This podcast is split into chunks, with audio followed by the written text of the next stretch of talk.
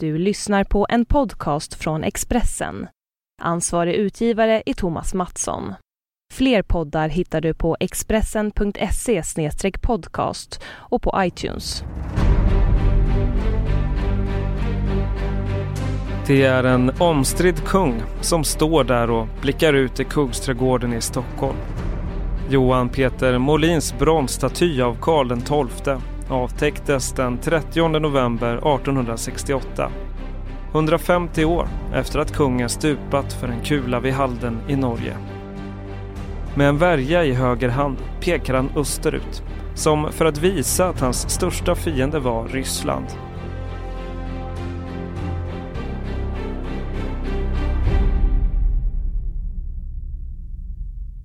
Få kungar i den svenska historien väcker sån diskussion bland forskare och tyckare. Högerextrema vurmar för hans nationalism medan andra anser att han var Sveriges första multikulturella regent med stor inspiration från det turkiska riket och det som idag kallas Mellanöstern. En krigarkung som tillbringade större delen av sitt vuxna liv på Europas blodiga slagfält utan att själv starta ett enda krig. Prins Karl föddes 1682 som äldste son till Karl XI. Ingen av hans fyra bröder överlevde barndomen, men båda hans systrar överlevde. Bland dem Ulrika Eleonora, den yngre, som kom att efterträda Karl XII efter den hastiga döden 1718. Unge prins Karl sattes i intensiv utbildning redan som fyraåring av sin beslutsamme far som insåg att om man ska kunna försvara en stormakts gränser måste man börja lära sig tidigt. Prins Karl studerade teologi och flera språk. Han talade flytande tyska, latin och franska. Senare även en del finska, italienska och turkiska. Men en kung ska inte bara läsa humaniora, så Karl fick tidigt lära sig ridning, krigskonst och inte minst jakt. Pappa Karl XIs anteckningar visar att sonen redan som sjuåring deltog i vargjakt på Djurgården som då hade ett bestånd av varg efter att Johan III anlagt en jaktpark på ön. Vid tio års ålder sköt han sin första varg och som tolvåring sin första björn. Grabben hade anlag för ett liv med sabel, värja och bussa. Det såg pappa kungen. Prinsen var bara 11 år när hans mor Ulrika Eleonora den äldre avled. Kungen skrev i sin dagbok den 26 juli om onsdagsafton mellan klockan sju och åtta behagar den allra högste guden hädankalla ifrån den usla världen till sig uti det eviga livet min älskeliga kära gemål. Den stormäktigsta drottning Ulrika Eleonora bara några år senare dog också Karl XI. Hans magcancer spred sig och var till slut omöjlig att besegra. Prins Karl som blir kung Karl XII efter sju månader av tillfällig förmyndarregering stod som 15-åring ensam med en stormakts gränser att försvara. Dessutom brann Stockholms slott drygt en månad efter faderns död och Karl tappade kronan på väg till kröningen. Olyckskorporna började kraxa över Stockholms gator. Karl var en stilig, ung man.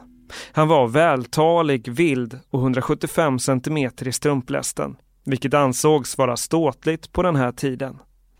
Ungdomstiden blev visserligen lite för vild när hans kusin Fredrik den fjärde av Holstein Gottorp kom på besök sommaren därpå. Efter det som kom att kallas det holsteinska raseriet kraxade korparna allt högre om att Sverige hade fått en omogen kung som inte kunde styra landet. Fredrik var i Stockholm för att gifta sig med Karls syster Hedvig Sofia. De båda kusinerna söp till rejält. Snart syntes de båda rusa runt på gatorna i Stockholm och dra hattarna av folk och allmänt leva rövare på ett sätt som definitivt inte ansåg Sveriges regent. Det finns till och med uppgifter att de för nöjes skull högg huvudet av djur som de sedan slängde ut genom fönstren. Historierna ska tas med en grov nypa salt. Men klart är att Karl XII påverkades negativt av sin äldre kusin. Något som farmor Hedvig Eleonora inte alls gillade. Hon mer eller mindre krävde att kungen skulle sluta med rusdryckerna. Enligt en av de mest spektakulära historierna kring Karls fyllor ska han ha tvingat i en tam björn så mycket spanskt vin att djuret föll ut ur ett fönster och krossades mot borggården. Det var alltså denne unge och till synes omogne seput till kung som den 6 mars 1700 mottog beskedet att Sachsen, Polen, Danmark och Ryssland förklarat Sverige i krig i det som kom att kallas det stora nordiska kriget. Det var rena släktfejden som nu startade kring Östersjön. Såväl August II av Sachsen-Polen som Fredrik IV av Danmark var kusiner till Karl XII. Sådana släktrelationer var inte ovanliga eftersom kungahusen sökte allianser och pakter genom giftermål. Det var inte heller ovanligt att man fullständigt ignorerade dessa blodsband. Något som kurfursten August gjorde när han anföll svenska Riga i Baltikum i februari 1700. Eftersom Östersjön var frusen var budbäraren Johan Brask från Nylands infanteriregemente tvungen att rida upp i Finland och runt hela Bottenhavet innan han mer än en månad senare nådde fram till Karl XII med det dystra beskedet. Kungen var då på björnjakt i Kungsör. Men han avbröt omedelbart jakten. Kungen bestämde dock att han skulle slå tillbaka mot danskarna först. Fredrik den fjärde ville ta tillbaka Skåne och de andra svenska sydliga landskapen som Danmark hade förlorat till Sverige i freden i Roskilde 1658. Dessutom gick danskarna söderut och in i det försvarslösa Holstein-Gottorp som var i allians med Sverige. Men när stormakterna Holland och England hörsammade Sveriges begäran om hjälp och gemensamt seglade mot de danska öarna kunde inte Fredrik IV stå emot. Danskarna flydde tillbaka till Köpenhamn och Sverige skeppade soldater över sundet för att belägra och krossa den danska huvudstaden en gång för alla. Karl XII blev dock tvungen att vända blicken österut. Därför kom freden i Traventhal den 12 augusti som en befrielse för Danmark. Nu var det dags för Karl att ta itu med kurfursten August som inte bara var härskare över tyska furstendömet Sachsen utan även hade nästat sig in och blivit kung av Polen. August, en bullrig man som enligt uppgift ska ha haft 354 oäkta barn, kallades den starka. Vilket inte bara syftade på att han kunde räta ut hästskor med bara händerna. Den makthungrige August sökte också land var han helst fann det. Och nu var hans sikte inställd på Sveriges delar av nuvarande Baltikum. August anföll Riga där den framgångsrike svenske militären greve Erik Dahlberg hade förchanskat sig med de svenska trupperna. Dahlberg, som planerade tåget över Bält 1658, lät hugga vakar i isen på floderna i hopp om att fienderna skulle falla ner i dem. Han använde sig av brinnande kärtunnor på murarna för att bättre kunna se motståndarna. I en annan fästning försvarade sig soldaternas kvinnor med att hälla kokande vatten ned på de anstormande saxarna. Rigas fästningar utgjorde för svagt skydd för den viktiga hamnstaden och saxarna vann allt mer terräng. Svenskarna räddades dock av stödtrupper som marscherat från Finland. När de i slutet av april 1700 närmade sig staden gav sig saxarna av och drog vidare. Nu var det dags för den tredje och största av Sveriges motståndare att träda in på scenen. Ryssland leddes av tsar Peter den store som var allmänt sur över att landet förlorat nuvarande Baltikum till Sverige under de stora krigen på 1600-talet. Peter såg det som sin rätt och plikt att ta tillbaka dessa områden. Medan svenskarna hade fullt upp med danskar och saxare skulle han slå till mot Narva i nordöstra delen av dagens Estland. När freden mellan Sverige och Danmark slöts i augusti hade Peter redan mobiliserat sina trupper. Planen att inta Narva fanns kvar. Karl XII skickade oroligt ut spanare för att kontrollera den ryska aktiviteten. Men de kom aldrig tillbaka. Den 13 september 1700 fick han till slut ett meddelande tillbaka från sina spanare. Budskapet var glasklart. Ryssen har anfallit.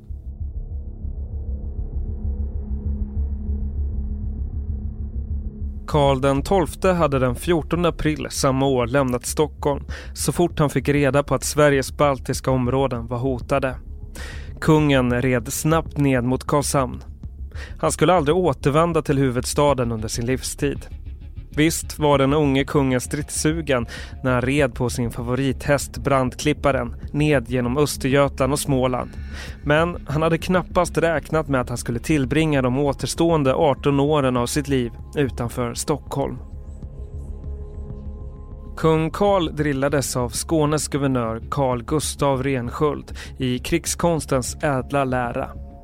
Han ville själv delta i striderna så mycket som möjligt. Kungen klädde sig så likt en vanlig soldat som möjligt på slagfältet.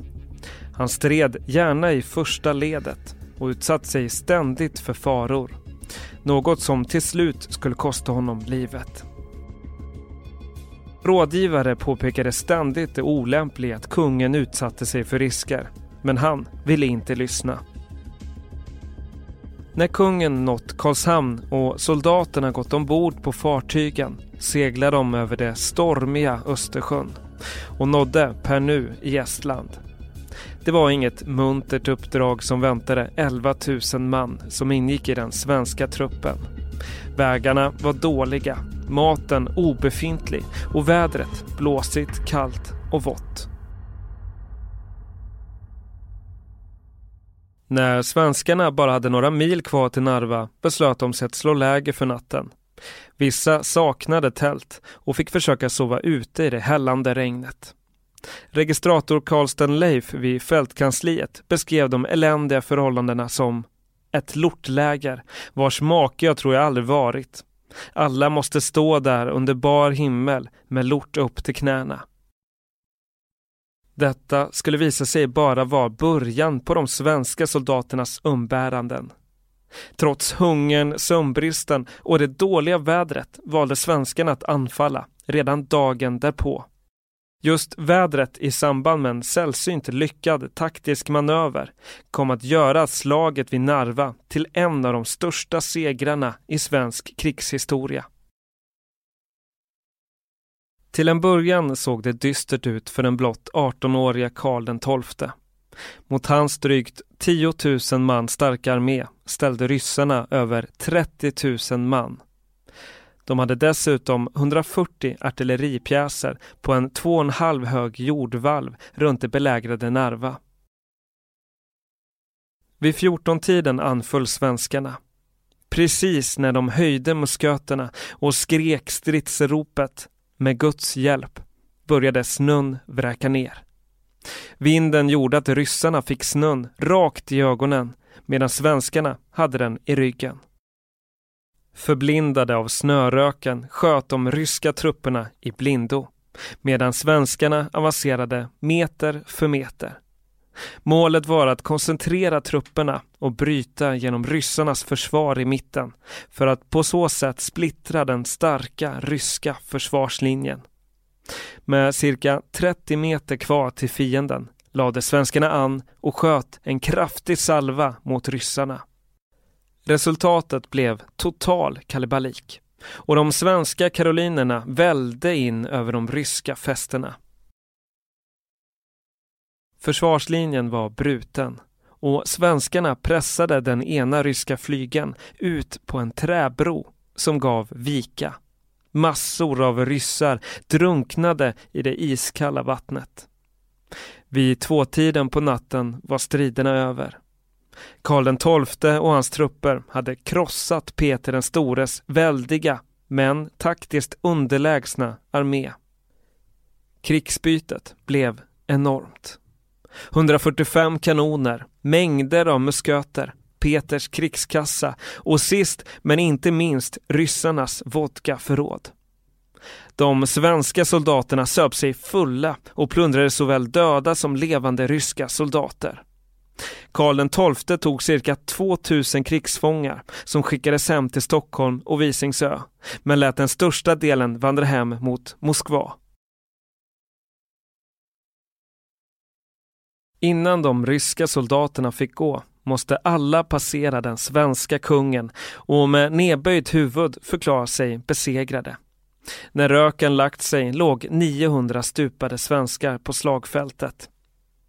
Ryssarna tros ha förlorat över 10 000 man i Narva. En ohygglig förlust för Peter den store. Karl XII hyllades som en hjälte och nu spreds nyheten över Europa att den svenska unga kungen slagit tillbaka självaste tsar Peter. Östra Europa låg framför den segerrusige och oövervinnlige Karl. Även om tsar Peter var den verkliga fienden hade Karl XII inte krossat August och hans Sachsen-Polen, något som ansågs nödvändigt för att slippa ett tvåfrontskrig. Karl vände nu blicken västerut igen och intog Warszawa i maj 1702, helt utan strid. Polackerna försökte få till stånd en fredlig lösning men Karl var inte intresserad. Han ville att August den starke skulle försvagas en gång för alla.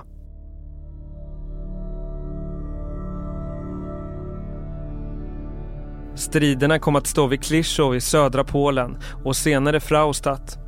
Återigen skulle en numerärt underlägsen svensk armé krossa sina motståndare. Hjärnan bakom segern i Fraustadt var Rensköld som efteråt lät avrätta en stor mängd ryska krigsfångar. Något som var ovanligt under den här tiden. 500 man som strax utan någon nåd i kretsen blev ihjälskjutna och ihjälstuckna. Att de fullo över varandra som slaktfår, skriver löjtnant Joakim Lytt efter drabbningen. August var besegrad och när freden i Alstranstedt slöts den 14 september 1706 stod Karl XII på sin topp. Narva, Klishov och Fraustadt hade alla varit sensationella framgångar och den unge kungen hade avsatt August till förmån för den svenskvänliga Stanisław Leszczynski som ny kung av Polen.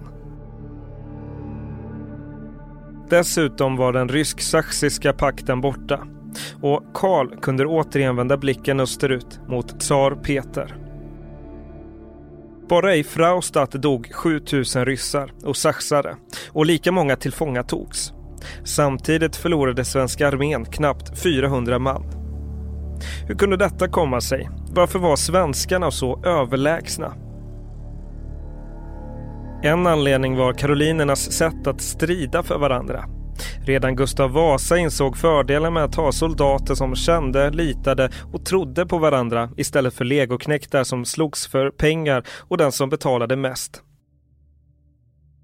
Karl XI hade 1682 skapat Indelningsverket som gick ut på att bönderna i Sverige gick ihop och betalade för en soldat var och såg till att denne fick lön och ett soldattorp. På så sätt slapp bönderna själva ge sig ut i strid medan kungen i gengäld fick en betald folkarmé som i början av 1700-talet ska ha bestått av över 75 000 man. Jämfört med andra nationer och sett till Sveriges folkmängd var det en hög siffra. De här männen kom ifrån Närke och Kronoberg men också från Åbo, Livland och Karelen en skåning och en livländare hade må hända inte mycket mer gemensamt än sin blågula uniform, sin kung och en obändig gudstro. Men eftersom regementet var indelade i landskapsvis spelade det inte så stor roll. Dalkarlarna slogs för sig, kronobergarna för sig. Tillsammans skapade de en kraftfull enhet. Just gudstron var en viktig del i Karl XIIs armé. Stridsropet ”med Guds hjälp” användes flitigt vid strid och den lutherska läran var ett måste att följa ute i fält. Att Gud var på Carolus Rex, som Karl XII kallades på latin, och hans karoliners sida stod klart, inte minst efter Narva. Det var Guds vilja att snön hade börjat vräka ner över ryssarna. På samma sätt var det Gud som hade bytt sida inför det ödesdigra Poltava. Präster fanns med bland soldaterna för att höja moralen och se till att den som tvivlade kom på rätt väg. Tron på Gud var också en naturlig del i karolinernas sätt att strida. För de blågula och kung Karl fanns det bara ett sätt att möta fienden och det var genom häftig attack. Någon defensiv taktik existerade knappast. När kavalleriet dundrade fram var det en stark gudstro, något som skänkte hopp. De som dog kom till himlen och det sågs som en del av Guds plan. Det är lätt att glömma vardagen för soldaterna under det 21 år långa stora nordiska kriget. Bortom alla slag och strider med ärofyllda segrar och bittra förluster fanns en vardag som på många sätt såg ut som hemma. I trossen, som följet efter själva armén kallades, gick livet ut på att samla mat, tvätta sig och hålla sig frisk precis som hemma i Sverige. Själva krigsföringen var ofta säsongsbetonad eftersom grönt gräs till hästarna var helt avgörande för att skapa en slagkraftig armé. Därför gick man i vinterförvar och väntade in vårens grönska innan nya drabbningar planerades. Men i trossen fanns också en hel del kvinnor. Efter nederlaget vid Poltava tog så många som 1600 kvinnor och barn som krigsfångar åt tsaren. De indelta soldaternas fruar stannade kvar hemma på soldattorpen för att bruka marken. Men legosoldaternas familjer såg ofta ingen annan utväg än att följa med sin man ut i krig. Därför kunde grupper av bagerskor, kökspigor och tvätterskor ses i den gigantiska folkhord som drog fram i Karl XIIs spår. Det finns uppgifter om kvinnor som stred bland karoliner utklädda till män. Även om vi inte kan hitta några historiska dokument om detta från just Poltava finns andra exempel från samma tid. Ulrika Eleonora Stålhammar föddes i Svenarum i Småland som dotter till överstelöjtnant Johan Stålhammar. Ulrika vägrade att låta sig giftas bort med en karl hon inte ville ha. Så hon klädde ut sig till en man och tog värvning bland karolinerna under namnet Wilhelm Edstedt. Ulrika stred sedan på slagfältet i över tio år innan hon drog sig tillbaka 1726. Under tiden hade hon gift sig med Maria Lundman och när det uppdagades att Ulrika egentligen var en kvinna ställdes de inför rätta. Rätten och kung Fredrik den första ansåg visserligen att brottet stred mot femte Moseboken och naturens lagar, vilket kunde leda till dödsstraff. Men eftersom Ulrika och Maria inte haft några sexuella relationer dömdes de till milda fängelsestraff på en månad respektive åtta dagar. Med August ute ur bilden var det åter dags för kung Karl att ta sig an Peter den store. Det blir också början på den svenska undergången. Tsar Peter hade under den förnedrande förlusten vid Narva 1700 återigen skjutit fram positionen i Baltikum. 1703 erövrade han Ingermanland och anlade den stad som fick namnet Sankt Petersburg. Året därpå var de ryska trupperna än en gång framme vid Narva och inledde en belägring av staden som kom att pågå en och en halv månad. Efter nio dagars tung beskjutning från det ryska artilleriet höll försvarsmuren på att rämna för general Henning Rudolf Horn, som ledde de svenska försvarsstyrkorna. Tsar Peter fanns själv på plats för att undvika ett nytt fiasko vid Narva. Han uppmanade Horn att ge upp. Generalen vägrade och påminde Peter om den svenska triumfen år 1700. Tsar Peter blev rasande och anföll staden en augustidag. Svenskarna slaktades av uppretande ryska soldater. Sammanlagt 2700 soldater fick sätta livet till och 1600 togs som krigsfångar. Peter skyllde massakern på Horns ovilja att ge upp. Trots förlusterna i Baltikum var modet hos Karl XII relativt gott när han samlade sin huvudarmén i Sachsen 1707. Området var frodigt och grönt. Både hästar och soldater hade ätit upp sig efter de senaste slagen i Sachsen och dessutom gått i svenskarnas favör. Stridsviljan var på topp. Frågan nu är vilken väg den svenska kungen skulle välja. Till Baltikum för att ta tillbaka ryssarnas nyvunna territorier eller mot Moskva för att en gång för alla knäcka tsar Peter. Det blev det senare. Den 22 augusti 1707 blåstes det i trumpeter och trummades på trummor när den svenska huvudarmén tågade österut ivrigt påhejad av lokalbefolkningen i Sachsen. Men den glada stämningen skulle snart bytas mot ond, bråd död och hunger när de svenska trupperna gick österut. Vintern närmade sig, men Karl XII hade inte råd att vänta eftersom den svenska krigskassan var på väg att sina. Tsar Peter ville till varje pris undvika ett stort slag på öppet fält mot de erkänt duktiga svenska karolinerna. Han drog hela tiden undan sina trupper. Kung Karl fick härsarna på den brända jordens taktik. Samma taktik som sen fällde både Napoleon och Hitler när de långt senare tågade in i Ryssland. Genom att konsekvent bränna åkrar och gårdar längs reträttvägen skapade Peter ett vakuum fyllt av bränd jord och död. En grundläggande del i ett lyckosamt fälttåg var att trupperna kunde livnära sig av det som fanns längs vägen. Nu fanns det nästan ingenting kvar att köpa eller plundra för svenskarna. Samtidigt närmade sig den hårda ryska vintern. De som led mest var som vanligt civilbefolkningen. Antingen brände ryssarna deras gårdar och fält eller så kom hungriga och desperata svenskar efter och plundrade. Karl beslutade att man skulle gå igenom Massurien, ett område med skog, sjöar och träskmarker i dagens norra Polen eftersom ryssarna förstört allt längs de större vägarna längre söderut. Massurerna ville såklart inte ha plundrade svenskar i sina hemtrakter och anföll i gerillaattacker. Karl svarade med order om att alla masuriska män över 15 år som han fick tag i skulle hängas och få sina gårdar brända. Hela Polen förvandlades nu till en brinnande ruin, tänd av ryssar och svenskar. Det blev inte bättre när den svenska armén nådde in i dagens Vitryssland. Olle Larsson publicerar i sin bok Stormaktens sista krig delar av kapten Edvard Gyllenstolpes brev hem till Sverige där beskriver man hur tortyren kunde ha gått till. För att få lokalbefolkningen att avslöja var gerillasoldaterna gömde sig grep svenskarna en ung pojke. De stängde in honom i ett hus och torterade honom. Männen i byn hade gömt sig i skogen för att strida, men mödrarna stod utanför huset och hörde pojkens plågande skrik. Därefter gömde svenskarna pojken.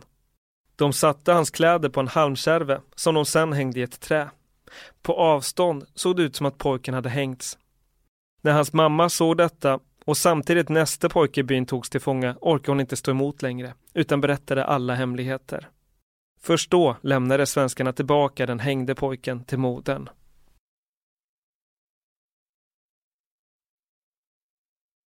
Karls plan var att tåga mot Moskva under sommaren 1708 vann han flera mindre slag mot ryssarna i nuvarande Vitryssland. En period stod han endast 40 mil ifrån den ryska huvudstaden Moskva. Men hans trupper hade reducerats till 12 500 man medan ryssarna var tredubbelt fler i området. Karl ville vänta in general Levenhaupt som skulle anlända med tusentals män ur de baltiska regementen och framförallt med nödvändig proviant och utrustning. Men vädret var extremt dåligt. Regnet öste ner över de svenska trupperna som blev allt hungrigare och tröttare. Samtidigt tog Levenhaupts marsch söderut från Baltikum längre tid än väntat på de leriga vägarna. Till slut orkade inte kung Karl vänta längre. Låt Levenhaupt slåss för sig och vi slåss för oss där tillfälle ges, ska kungen utbrustit innan han drog vidare söderut. Kvar stod en besviken och övergiven Levenhaupt, nu blottad för ryska attacker. En sån kom vi ledsna när tsar Peter själv ledde de ryska styrkorna. Levenhaupt förfogade över 12 000 man, men som vanligt var ryssarna i numerärt överläge med sina 30 000. Den svenske generalen tvingades retirera efter hårda strider. Han begav sig söderut för att försöka nå Karls huvudarmé. 4 000 svenska soldater ska ha dödats vid Lessna. På vägen valde Levenhaupt hellre att gömma och dumpa förnödenheter och vapen än att de skulle hamna i ryssarnas händer.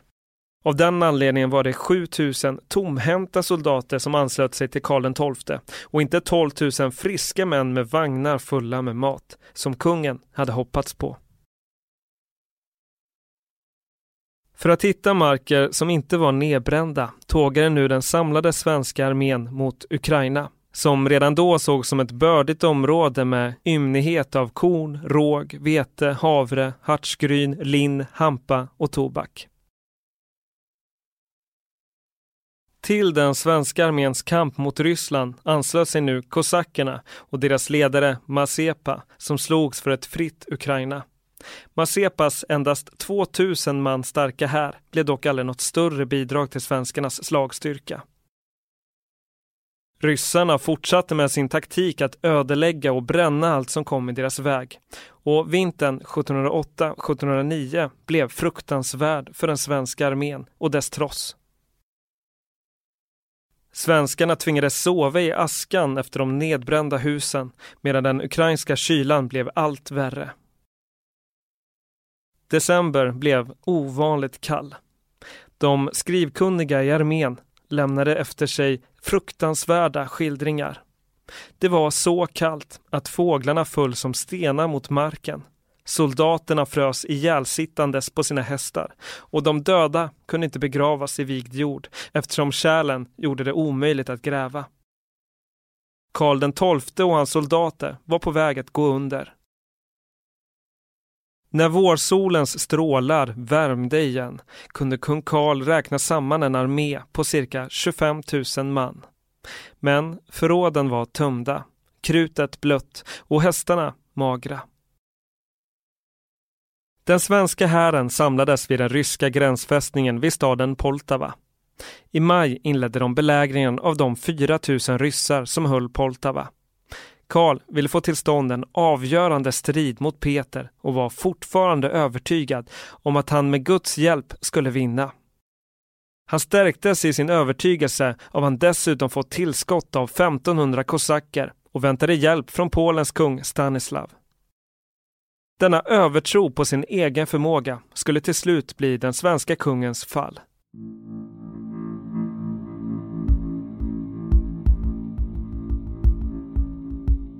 Den 28 juni drabbade de båda stormakterna till slut samman i det som kom att kallas det viktigaste slaget i svensk historia.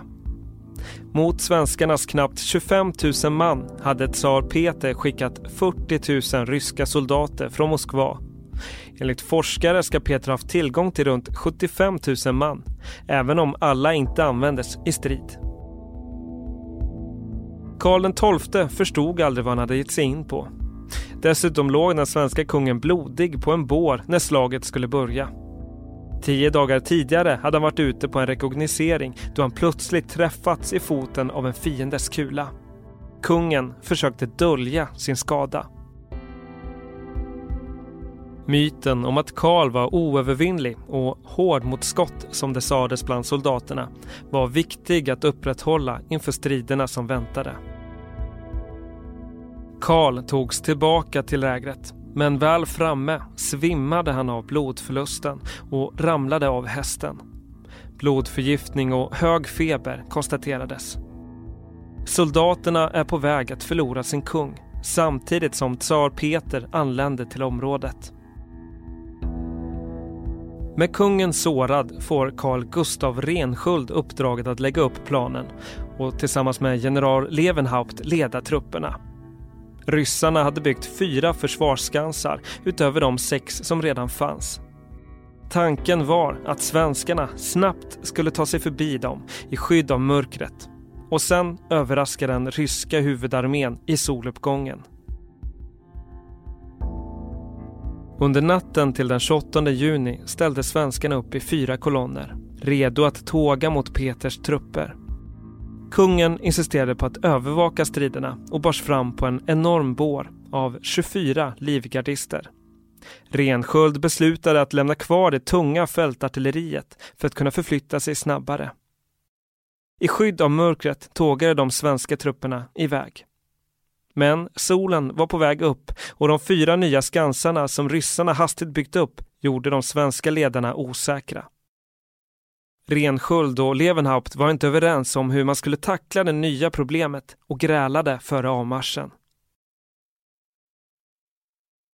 Till en början gick allt enligt planen när svenskarna tassade så tyst de kunde mot försvarsskansarna. Men förvirringen och irritationen hos de svenska ledarna hade sinkat trupperna och nu bröt också solen genom mörkret. De svenska värjorna och bajonetterna glänste i solens strålar och blev plötsligt lätta att upptäcka för ryska spanare. Trots häftig beskjutning från det ryska fältartilleriet lyckades svenskarna ta sig förbi de två första skansarna vid den tredje skansen blev dock generalmajor Carl Gustav Ros kvar med sina trupper.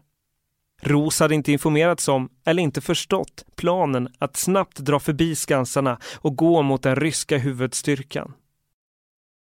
Det samlade svenska infanteriet kom därför att splittras, vilket fick förödande konsekvenser när Ros omringades av ryssar som slaktade 2500 av Ros soldater. Längre fram stod en förvirrad rensköld och frågade sig vart Ros hade tagit vägen. Samtidigt såg tsar Peter nu sin chans att skada svenskarna rejält och förberedde sina trupper för anfall. Istället för att anfalla och överraska såg nu Rensköld en två kilometer bred massiv väg av ryska soldater komma emot honom. Ryssarna var fem gånger fler Sveriges ledning var förvirrad och saknade tungt artilleri. Det här kunde bara gå på ett sätt.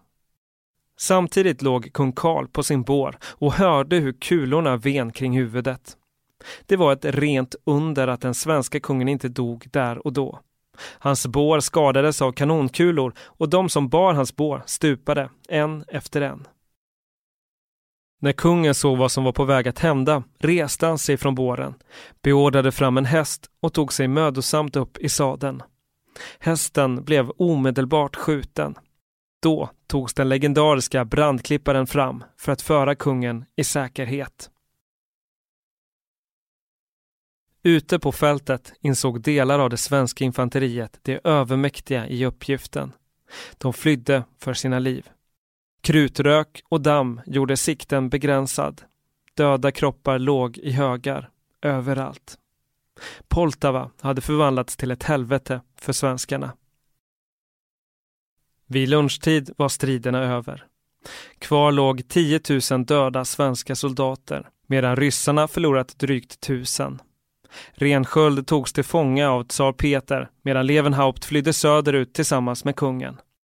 Peter utlovade en belöning på 100 000 rubel och en generalsgrad till den som kunde fånga den flyende svenska kungen. Vid Vorskla fördes Karl över den kilometerbreda floden natten den 1 juli för att sätta sig i säkerhet i Bender hos sultanen i det mäktiga och ryssfientliga Osmanska riket. Levenhaupt lämnades kvar med en styrka på 12 000 man och fick uttryckliga order av kungen att stå emot de förföljande ryska styrkorna. När fältmarskalk Alexander Menshikov dagen efter mötte svenskarnas armén med sina 9000 soldater valde Levenhaupt att ge upp. Den svenska generalen togs till fånga och skickades till Ryssland där han dog i fångenskap. Karl den XII ska ha blivit så upprörd över Levenhaupts kapitulation att han aldrig lyfte ett finger för att få generalen fri. Sammanlagt tog ryssarna 23 000 svenska krigsfångar i samband med slaget vid Poltava. 1600 av dem ska ha varit kvinnor och barn. Under förnedrande former visade de svenska fångarna upp vid en parad i Moskva senare samma år. Några kom senare tillbaka till Sverige, men största delen spreds ut till Sankt Petersburg, östra Ryssland och Sibirien där de levt bland ryssarna. Inte sällan föraktade av lokalbefolkningen. Karl den XII tillbringade fem år i exil i Bender, varifrån han styrde det alltmer stukade svenska riket. Nu såg de andra nationerna sin chans att ta tillbaka det man förlorat. August den starke kontrollerade återigen Polen, samtidigt som Ryssland och Danmark fortsatte kriget runt Östersjön. Kung Karl tog sig 1714 tillbaka till Sverige men föll för en kula en mörk novemberkväll 1718 vid Fredrikstens fästning i norska Halden. Det var slutet för Karl XII, men början till undergången stavas Poltava. Efter år av framgång och optimism slogs den svenska stormaktströmmen i spillror vid den ukrainska staden Tanken på ett svenskt dominium maris baltici, ett herravälde som inneslöt hela Östersjön, dog i Poltava.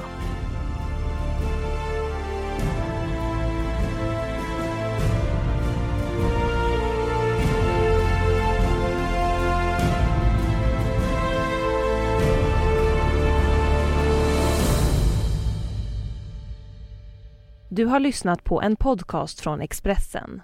Ansvarig utgivare är Thomas Mattsson. Fler poddar hittar du på expressen.se podcast och på iTunes.